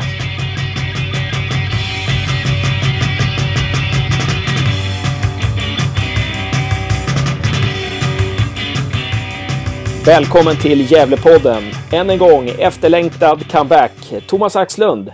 Tack så mycket. Tränare i Gävle IF A-lag, damer. Och hur är det där med, är det du som är huvudtränare och Niklas Spångberg som är assisterande eller har ni delat ledarskap? Ja, vi har delat ledarskap, det ska jag vilja säga. Vi delar lika på det mesta. Det, det är väl jag som ansvarar för, för mycket av planering och sådana saker. Men det, jag tror inte tjejerna känner någon skillnad så att vi, vi delar det, det gör vi. Och nu har ni analyserat säsongen och nu är det lite silly season. Spelare kommer in, spelare kanske försvinner. Hur har ni resonerat, du och Niklas, när det gäller vad laget behöver? Eller är det fler än du och Niklas som är med och resonerar då? Ja, Johan Berlin har väl varit med mycket i diskussionerna eh, under hösten här. Det har han varit. Men, men just under den här perioden, sen vi skildes åt från tjejerna och, och övriga ledare så är det Niklas och jag som har, har haft mest kontakt och, eh, med, med spelare externt och internt. Så det kan man säga, det är Niklas och jag som försöker styra upp en bra trupp till 2019. Vad har ni kommit fram till när det gäller vad ni behöver i laget för att ta ytterligare kliv? Ja, vad ska jag säga om det? Vi, vi utgick väl lite grann ifrån vad vi, vad vi tappade. Vi vet ju att vi har tappat Bea till eh, Beatrice Norberg som slutar av målvakten. Och eh, då, då inser vi snabbt att vi har två målvakter på, på två lag och då behöver vi ju en, en till målvakt då. Det, så det, det insåg vi ganska snart. Sen så ser man väl gärna till en i varje lag eller ett populärt uttryck. Vi, vi tappar eh, Liselott Ronnefors till, till Uppsala, alltså universitet i Uppsala här i höstas. Så att vi, vi behövde förstärka på en, en mittback. Då. Och så sen får vi se lite grann om vi, om vi tappar eh, eh Elin Berlin och Matilda Henriksson. Det, det lutar väl däråt. Så då har vi ju, eh, då har vi ju tagit in två mittfältare från, från Hälsingland då, som vi tror mycket på. Så att, eh, ja. Eh, om vi ska säga det, de här som ni tappar då, när, när, när, det, när vi till exempel med, med Elin Berlin och eh, Matilda, med Elin Berlin så tappar ni ju ganska mycket rutin, även om hon är ganska ung. Eh, så, så är ju hon, har ju hon varit med ganska länge. Är det någonting då som ni tänker att ja, då måste vi ersätta med rutin? Ja, jo men det, det är klart att eh, de vi tappar kommer att bli saknade, så är det ju. Eh, vi har ju egentligen, tittar man där, nu, nu visste vi kanske inte att Elin skulle försvinna när vi började förhandla lite grann med Julia Wahlund från Mohed, men, men lite liknande spelare. Nu är ju Julia, kom, Julia kommer bli vår äldsta spelare, hon är 26 år. Har mycket erfarenhet ifrån den här nivån, kanske inte så mycket högre nivå. Men hon har ju spelat en väldigt viktig roll i, i Mohed i alla år och många föreningar som har varit ute efter henne. Så vi är ju otroligt glada att hon kommer till oss Så hon har ju stor erfarenhet. Så vi, det får vi väl se där att, att vi får in. Det, det är vi jätteglada för. Och vad var det som du tror ni hade som gjorde att eh, hon valde er? Ja, tillfälligheter tror jag delvis att eh, hon, hon precis eh, påbörjat ett program på Högskolan i Gävle på tre och ett halvt år. Eh, så att hon, hon kommer att bo kvar i Söderhamn och pendla. Men jag tror att det, det stämde också. Det, det, var dags för henne att lämna Mohed. Då var det, då var det dags några år för henne, eller var det på gång några år. Och eh, nu stämde allting in och hon trivdes väldigt bra. Från, från första träffen vi hade så så trivdes hon väldigt bra hos oss. Och jag tror att det var det som avgjorde också. Att, att hon tror på laget och arenan och, och ledarna och föreningen. Och det, det stämde rätt in den här gången för henne. Och det är vi glada över. Var hon ert första nyförvärv? Ja, det stämmer. Hon, hon var först ut. Vi gjorde klart med henne ganska tidigt. Hon hade ju flera alternativ. Men eh, hon kände nog att, att eh, det här var rätt för henne för hon, hon sa nej till de andra och eh, bestämde sig för oss. Så det, hon, hon, eh, jag kommer inte ihåg datumet exakt, men det var tidigt i, i efter säsongen som hon, hon skrev på. Mm. Karin Weihnacht får ni också in. Var, var, var hon ert andra nyförvärv eller? Ja, hon, hon var andra namn att, att göra klart då. Och det är ju också en eh, spelare med, med, som har spelat på, på högre nivå som bland annat spelat två och ett halvt år uppe i Ljusdal och hjälpte Ljusdal uppe i Elitettan. Spelade många matcher där. Så där, där får vi en erfarenhet från högre nivå också. Och lite äldre, hon är född 94 då, så att hon är, hon är lite äldre. Hon är ett år äldre än Gabriel Wågström och Elin Berlin och Jennifer Wiker och dem. Så att hon, hon blir vår näst äldsta spelare. Vem är äldst? Ja, det blir Julia Wahlund som är äldst. Ja, ja, just det. Och eh, Karin då, vad har hon för kvaliteter tycker du? Ja, hon är ju, hon är ju väldigt offensiv.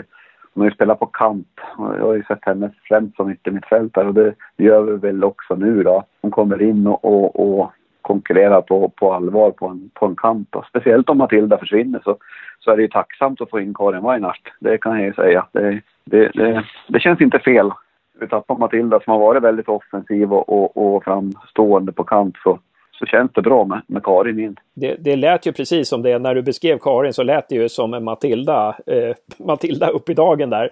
Eh, vad, vad, skulle du säga att det går på ett ut där? Att, eh, eller kan man säga att Karin har några kvaliteter som Matilda saknar och Matilda har några som Karin saknar och i så fall vad, vad är det för kvaliteter? Ja, nej, men det, det Karin har det är ju att eh, bevisligen så har hon ju varit på en högre nivå och, och klarar av det och har erfarenhet. Det tycker vi är bra, bra en mot en. Det, det, Sen så kommer vi att sakna Matilda såklart. Som, både som spelare och som medlem i ett omklädningsrum Men hon är fantastisk. Så att, eh, hon, hon är ju urgiffa, hon är ju uppfödd i Gävle IF. Det är hennes moderförening. Så att, det är klart att, att eh, Matilda blir saknad. Det Matilda har som, som en spetsegenskap, det är ju snabbheten.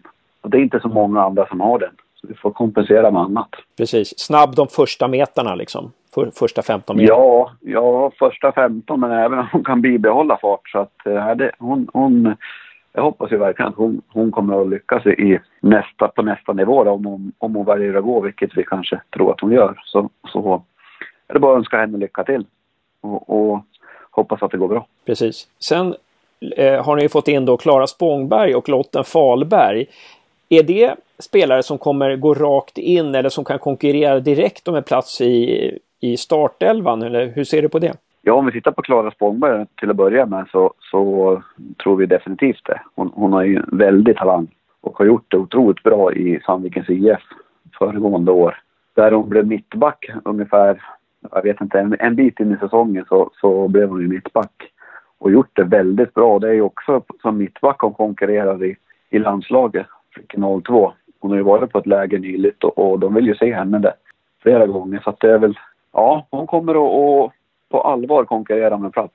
Jag blir inte förvånad om hon startar seriepremiären. Kul. Lotten Falberg då, som också lämnar Sandviken för er? Ja, det är ju en väldigt skolad och uh, välutbildad målvakt. Född 01 och ett år äldre än, än Klara.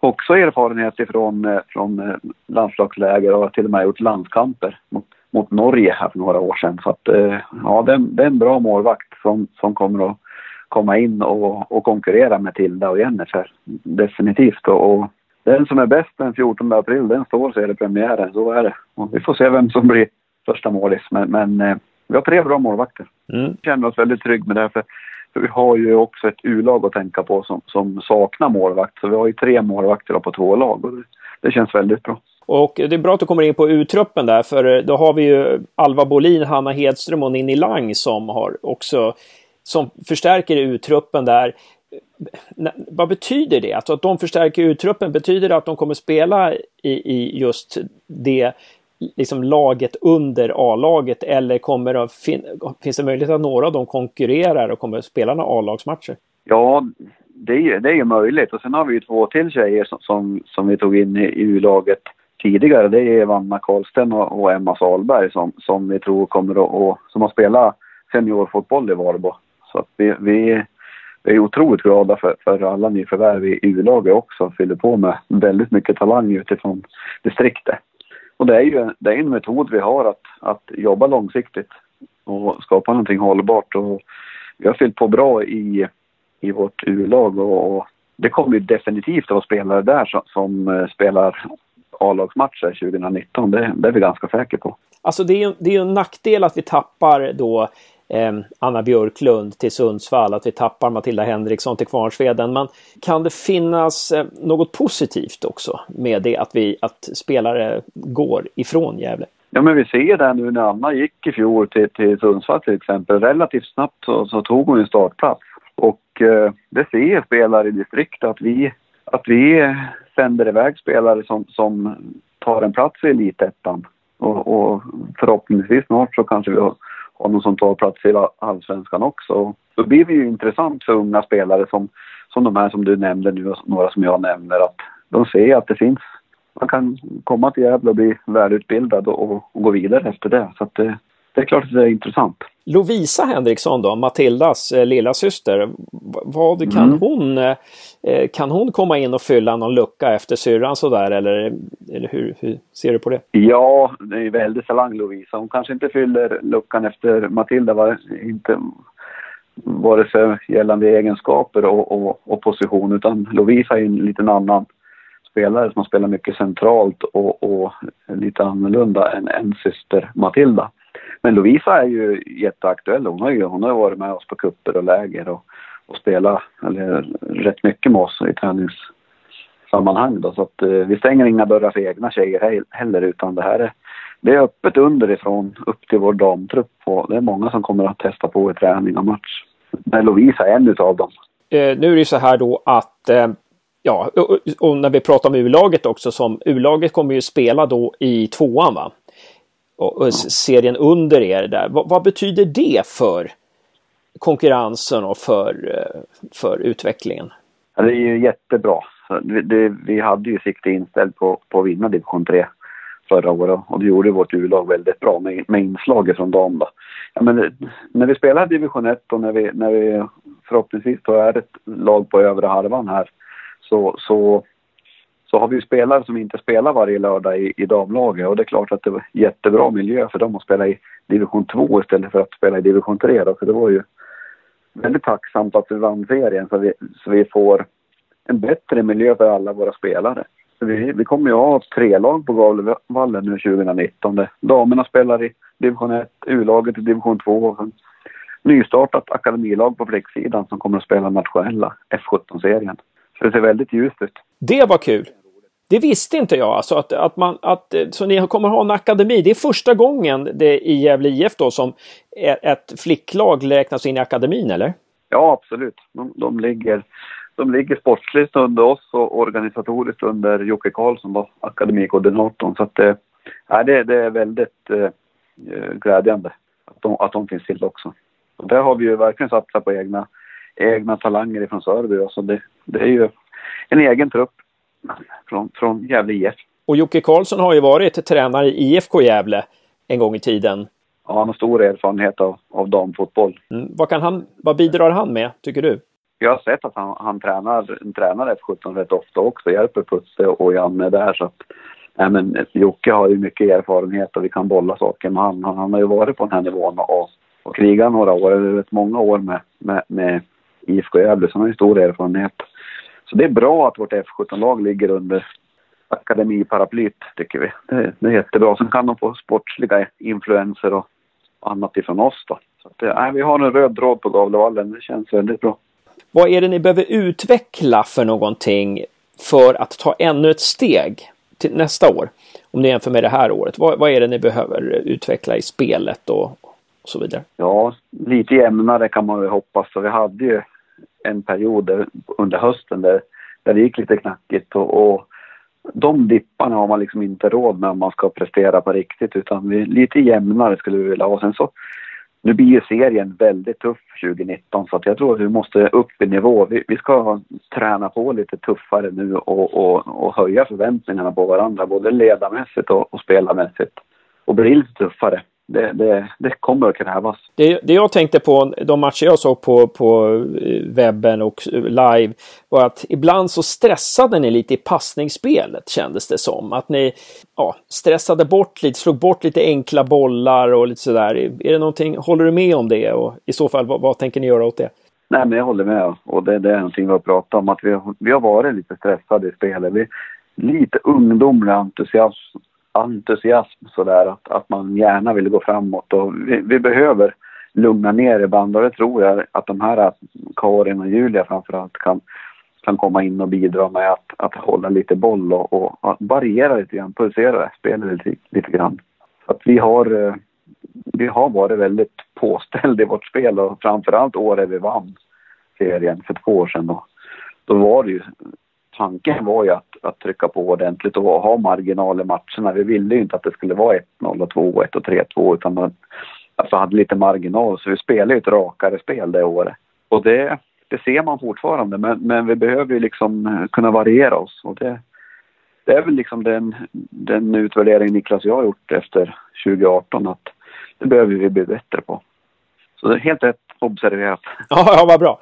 Nej, för jag tänkte just det, Bollstanäs, där skillnaden med Bollstanäs var ju att de var så otroligt bra på, på att rulla boll. Alltså, det, det, de hade ju många kvaliteter, men, men just där, eh, ja, nu såg jag bara hemmamatchen då mot Bollstanäs, men det kändes som att, att de, eh, de hade lite större tålamod helt enkelt. Ja, jo men det, det tror jag och det handlar väl om att, att, att, att komma in i, i tempot i den här på den här nivån också och, och klara av att göra samma saker som vi gjorde i division 2 fast det är i ettan. Och jag tror att vi lärde oss väldigt mycket första året. Och jag menar vi hamnar på en tredje plats. Vi, det är vi glada över och, och det gäller bara att gå vidare. Så att vi, vi har mycket kvar, det har vi. Och det är ju bra. För det är en ung trupp och vi kommer. Ja, kul.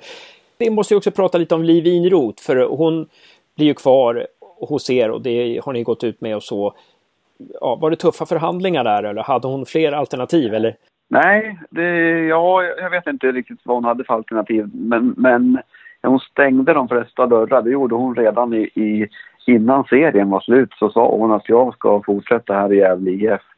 Och det var väl, då, då, är det ju tuffare för andra att komma in och förhandla med henne. Utan hon, hon var helt klar över att, att hon ville fortsätta här och vi är ju väldigt glada över det. För att vi, vi ser stor utvecklingspotential i henne också och att hon, hon gjorde en väldigt bra avslutning på säsongen. Och, och vi, vi, då kommer hon ju att börja på den nivån under 2019 så att säga. Så att hon, hon har mycket kvar att ge. Bidrar ju väldigt mycket. Ja, ja väldigt. Det, det, kan jag tänka mig. Det är en sån spelare som inte bidrar bara på plan utan även utanför plan. Men, men jag tänkte på Ida Pettersson tycker jag också gick från klarhet till klarhet. Det var ju många som gjorde det, men eh, har hon uppvaktats av några andra klubbar eller blir hon kvar? Ja, hon är kvar. Och jag vet att det var klubbar som är intresserade av henne. Men, men hon, hon väljer också fortsätta. Hon, hon, hon har ju bara gjort ett år hos oss. Och, och eh, ja, jag tror att hon mår bra av att stanna och eh, fortsätta leverera på, på den här nivån med oss. Och, och förhoppningsvis ta oss till nästa nivå. Det, det vore jättekul. Men, men Ida, Ida är riktigt bra. Och hon är, hon är också klar. Jag tänkte på, vi ska snart eh, eh, knyta ihop säcken här, det är passande att säga i dessa tider. Avslutningsvis måste vi komma in på det här med Sandviken. Sandvikens IF. Och Gävle IF spelar i samma serie som Sandviken, både när det gäller dam, dam, damernas A-lag och herrarnas A-lag. Jag, hade, jag vet inte om du lyssnar på det, men jag pratade med Stisse för några veckor sedan och jag lekte med tanken att man, att man skulle spela, att man, både herrarna och damernas matcher skulle ligga samtidigt, samma dag, samma arrangemang sådär. Men det tyckte inte Stisse. Eh, vad, vad tycker du? Nej, jag har lyssnat på den podden och jag håller med Stisse där. Jag tror att det är bra att vi, att vi skil, skiljer det åt och jag tror att det kommer att bli uh, mycket folk på, på både herrar och damer. Så att, uh, jag tror att uh, vi, damerna förtjänar uppmärksamhet en, en dag och herrarna en annan. Det, det tycker jag var bra svarat. Sen hade jag en teori där om att Gävle och Sandviken spelar i samma serie, både när det gäller herrarnas A-lag och damernas A-lag, att det kan öka fotbollsintresset i distriktet och att man kan profitera på varandra, växa sig starkare med hjälp av varandra. Vad säger du om det? Ja, men det tror jag.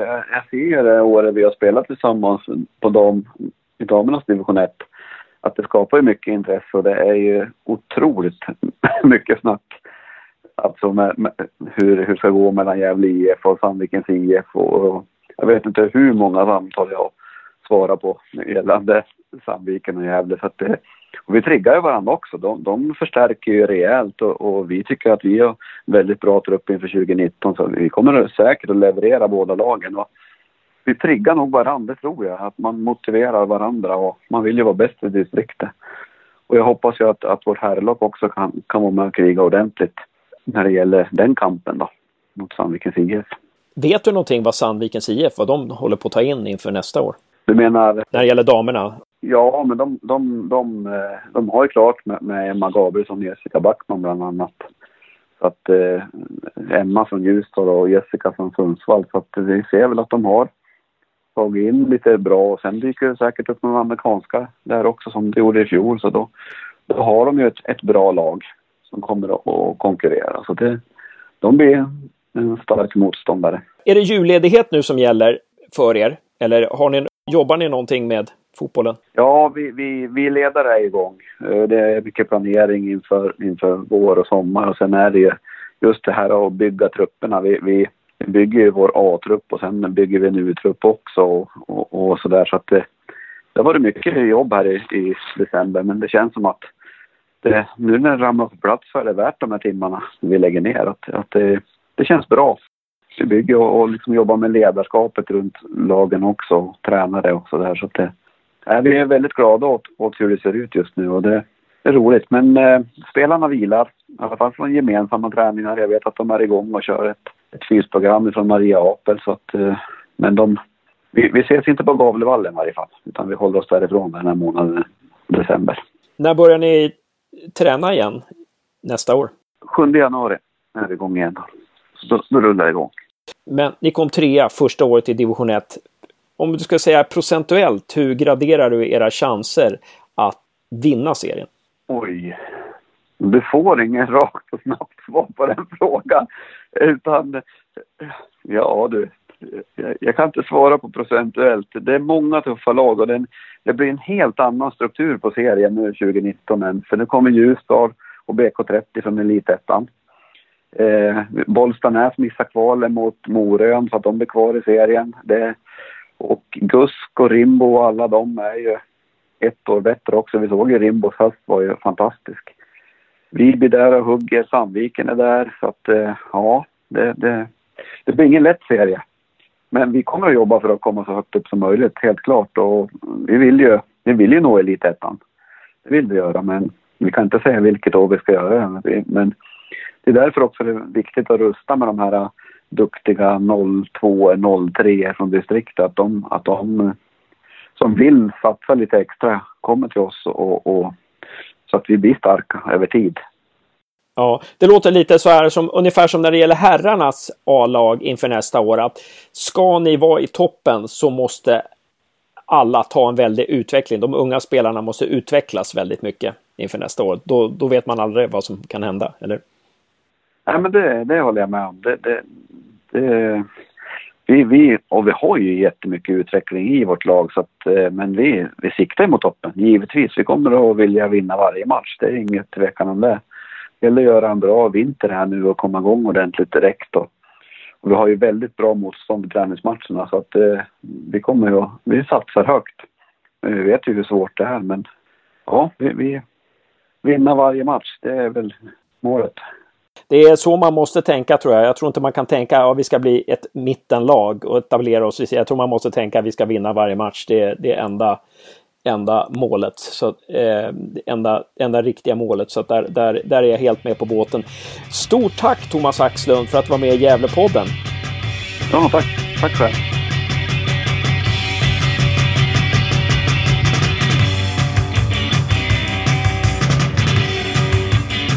Välkommen Anders Eriksson, klubbchef i Sandvikens IF till Gävlepodden. Tack så mycket. Tack igen. Igen, ja precis.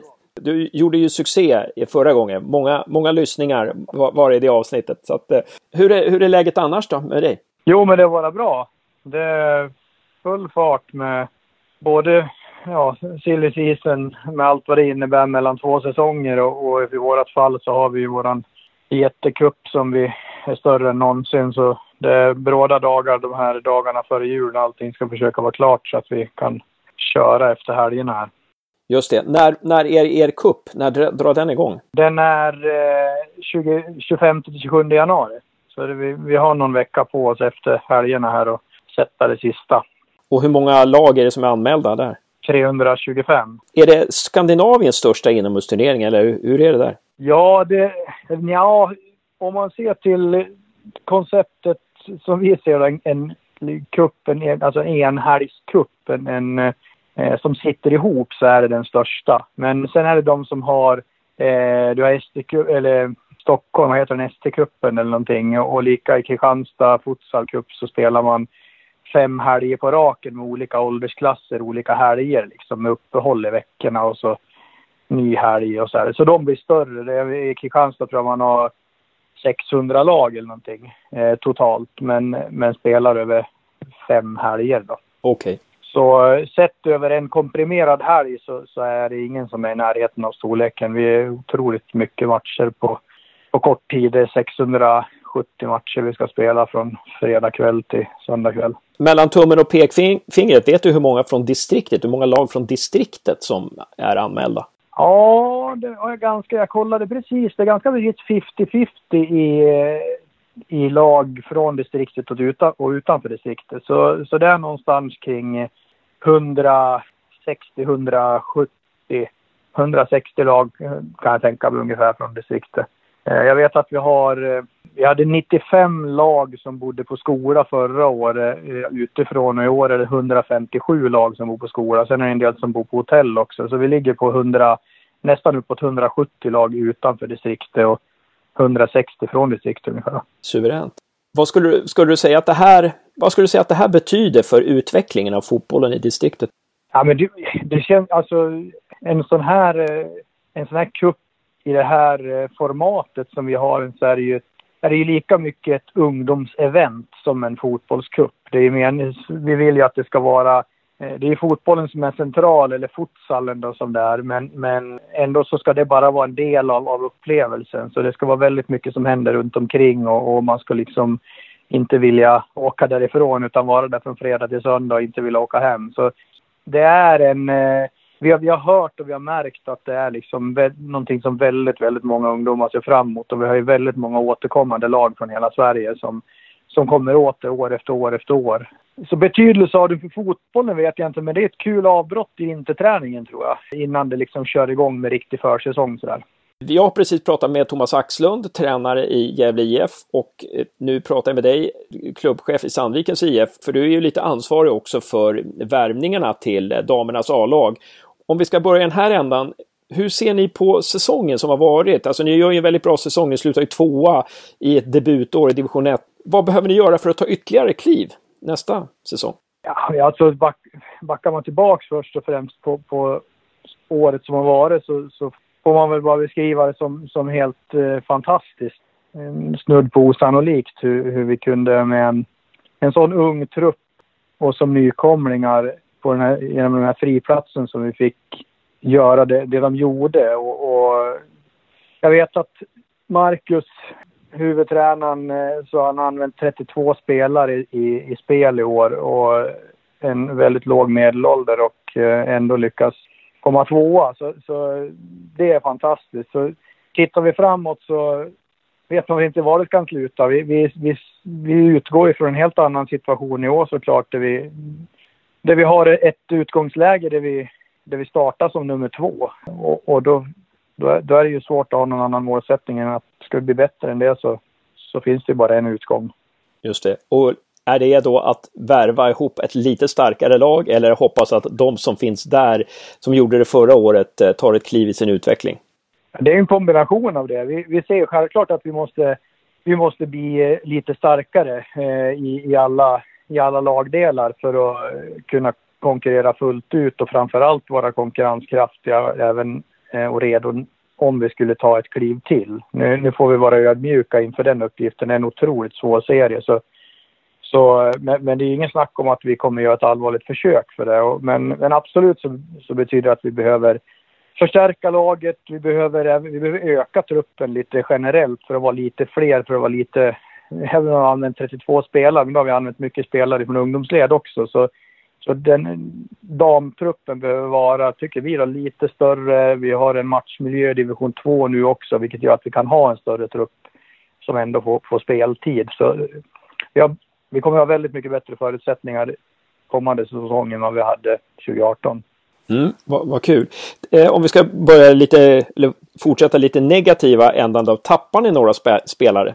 Ja, det gör vi ju. Det, det åker man ju tyvärr alltid, alltid på att man gör. Och senast nu så blev det ju klart att vi, vi tappar eh, två unga duktiga spelare till, till våra lokalkonkurrenter i Gävle IF då, i Klara Spångberg och och Lotten Falberg, målvakten. Lotten har ju varit en av tre målvakter samtidigt som hon var F17-målvakt och, och, inte stått så mycket. Klara däremot har ju varit mer eller mindre ordinarie och spelat i princip varje match trots sin unga ålder. Så, så det, det är klart att det är tunga tapp för oss samtidigt som eh, det är kul att de på något vis följer sitt, sin tro på det, det, de, det som är bäst för dem. Vad, vad ser de hos Gävle som inte Sandviken har? Ja, det vet jag inte egentligen faktiskt. Alltså det, är en, det är väl en kombination av många saker kan jag tänka. Dels det man, kan jag tänka mig att man, eh, man kan vara sugen och inspirerad till en, komma till en ny miljö bara. Det, det tror jag, det kan lyfta många spelare att bara byta miljö. Sen kan det väl vara andra sociala aspekter också lite grann i, i, smidighet och, och var man bor och går i skola eller jobbar och så vidare sånt. Men, men i det här fallet så, så tror jag att man Eh, Eh, det kan vara en konkurrenssituation också på den position man har där man ser att man har en, man ser en intressantare konkurrenssituation i, ett annat lag eller, eller tvärtom att man kanske ser en, en större möjlighet att eh, slå sig in än, än vad man har i det laget man går ifrån. Så det, det kan finnas många anledningar till det. Men samtidigt så har ni ju då fått eh, tag på, knutit till er två stycken väldigt bra spelare med erfarenheter från elitettan Eh, Jessica Backman som kommer från Sundsvall och eh, Emma Gabrielsson från Ljusdal. Vad jag förstår så har de lite rötter i Sandviken sedan tidigare. Var det det som gjorde att ni lyckades knyta er till dem eller hur, hur vad skulle du säga var nyckeln att ni kunde ta hem dem? Ja, vi, först och främst så jobbar vi utifrån det i första hand. Vi vill ju, vi vill ju knyta till oss spelare som har en, eh, någon form av förankring eller, eller som har en relation till, till Sandviken eller i alla fall det här distriktet. Och, och det har ju båda dem.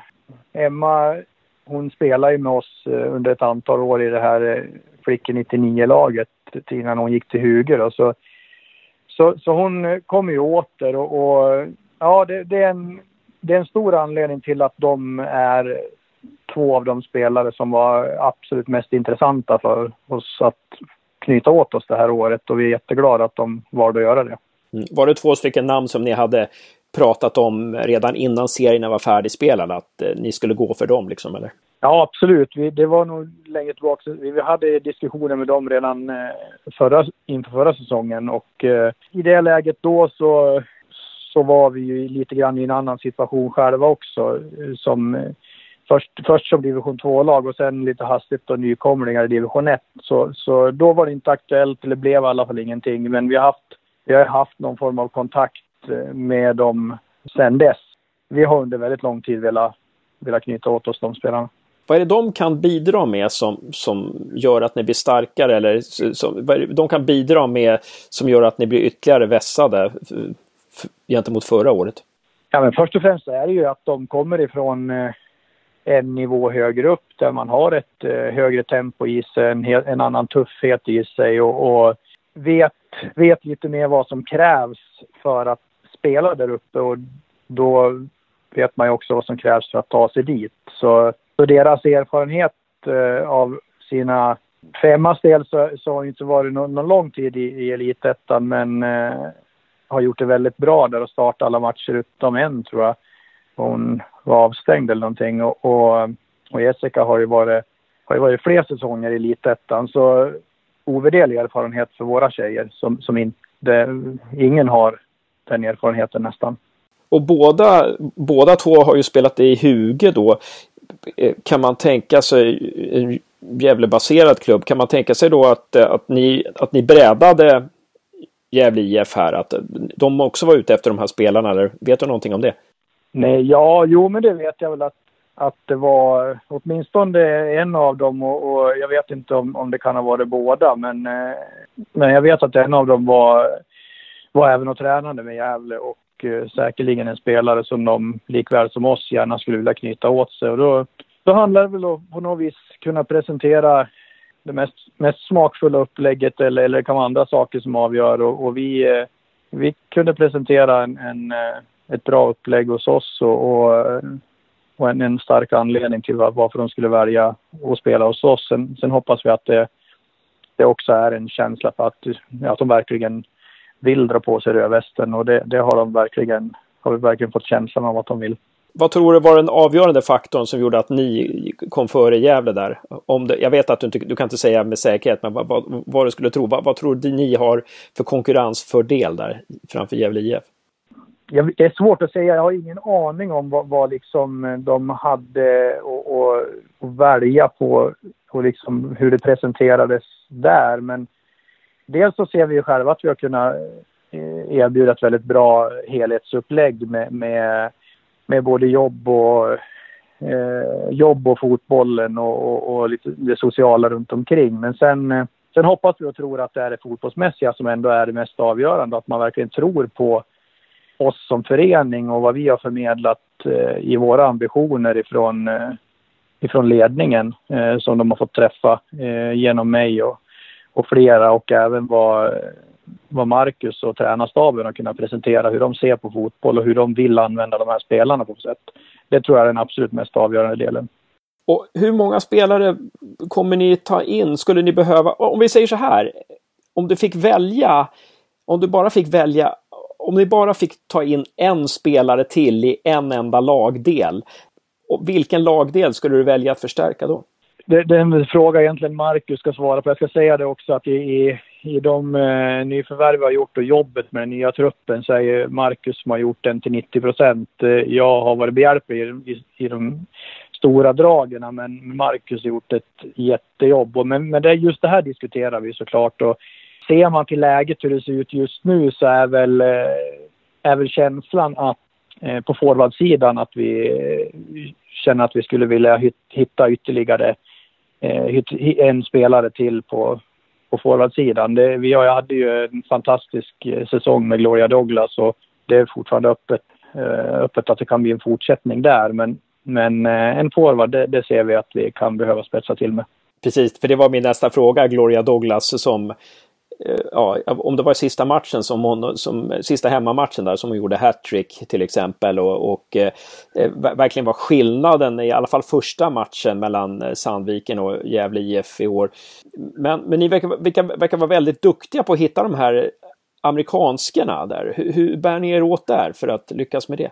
Ja, men jag, jag, vet inte, alltså vi har lyckats komma in på ett bra spår och fått väldigt mycket bra kontakter och det börjar väl det började väl säsongen 2017 eh, när jag började jobba lite med, med att knyta kontakter.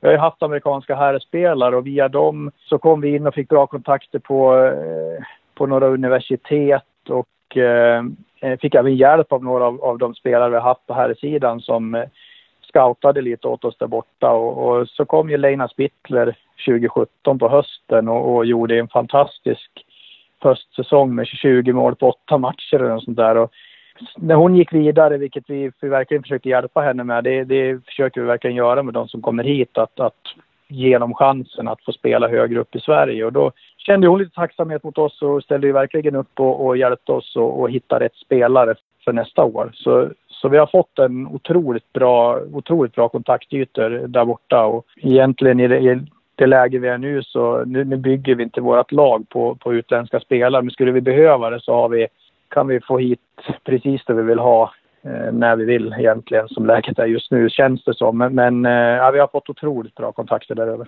På vilket sätt påverkar det laget när man får in en sån här spelare som är på en, på en väldigt hög nivå? Ser vi på liksom en amerikansk eh, spelare och framförallt en, en tjej, amerikansk tjejspelare så där borta, det är så, det är så annorlunda hur det fungerar där och, och flick, tjejfotbollen och damfotbollen är ju otroligt stor i USA och de, de får, de får verkligen eh, känna sig väldigt jämställda, vilket vi strävar efter här hemma också. Och otroligt välskolade, otroligt bra förutsättningar, vilket gör att när de kommer hit så är de ju fullblodsproffs. Så, så de sprider ju den kunskapen de har med sig. De får ju all, dra, alla andra dras ju med i deras professionalitet i, i, som de är som både människor och fotbollsspelare. Det, det, är, det är en sak. Och sen, sen är de ju... De har ju den amerikanska mentaliteten. Det är liksom... Det är 110 procent hela tiden. Det, det, finns liksom ingen broms någonstans. Så det, det är ganska häftigt för det, det sprider sig ganska snabbt. Spännande. Eh, väldigt intressant. Men det var intressant också det där du sa med att, att den amerikanska... Tror du att den amerikanska alltså damfotbollen är mer jämställd än vad, vad damfotbollen och, eh, och synen på damfotboll är i Sverige. Jag har försökt att lärt mig väldigt mycket om hur det fungerar där över och hur hela, hela processerna är. Och de, de, de får ju, de jobbar ju Ja, damfotbollen har varit väldigt stor i USA under väldigt lång tid och tittar man på intresset för, för damfotbollen där så är det ju otroligt med folk på, på matcherna i högsta ligan och, och det är eh, man jobbar på, på samma sätt och, och, eh, på universitetsdelarna och sånt här. Så det, däremot så är det ju också det, det dilemmat de har där borta att de inte har det system som vi har det här med fotboll i, i olika nivåer utan där handlar det om att, att, slå sig in och bli bäst så man får en plats i högsta ligan och där under, annars finns det ingenting. Så då är det slut med fotbollen, eller så lär man söka sig till Europa.